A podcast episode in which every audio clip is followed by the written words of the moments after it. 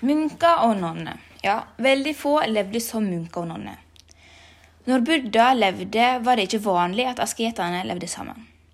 Fellesskap og munker og nonner, som i buddhismen ble kalt sangha, det var noe nytt Buddha innførte. Det ble mer krav av munker og nonner enn til vanlige folk.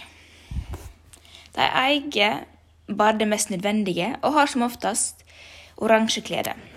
Så og nonne har en ti leveregler å følge. I tillegg til de fem levereglene som er felles for alle buddha, har munker og nonner fem spesielle regler å styre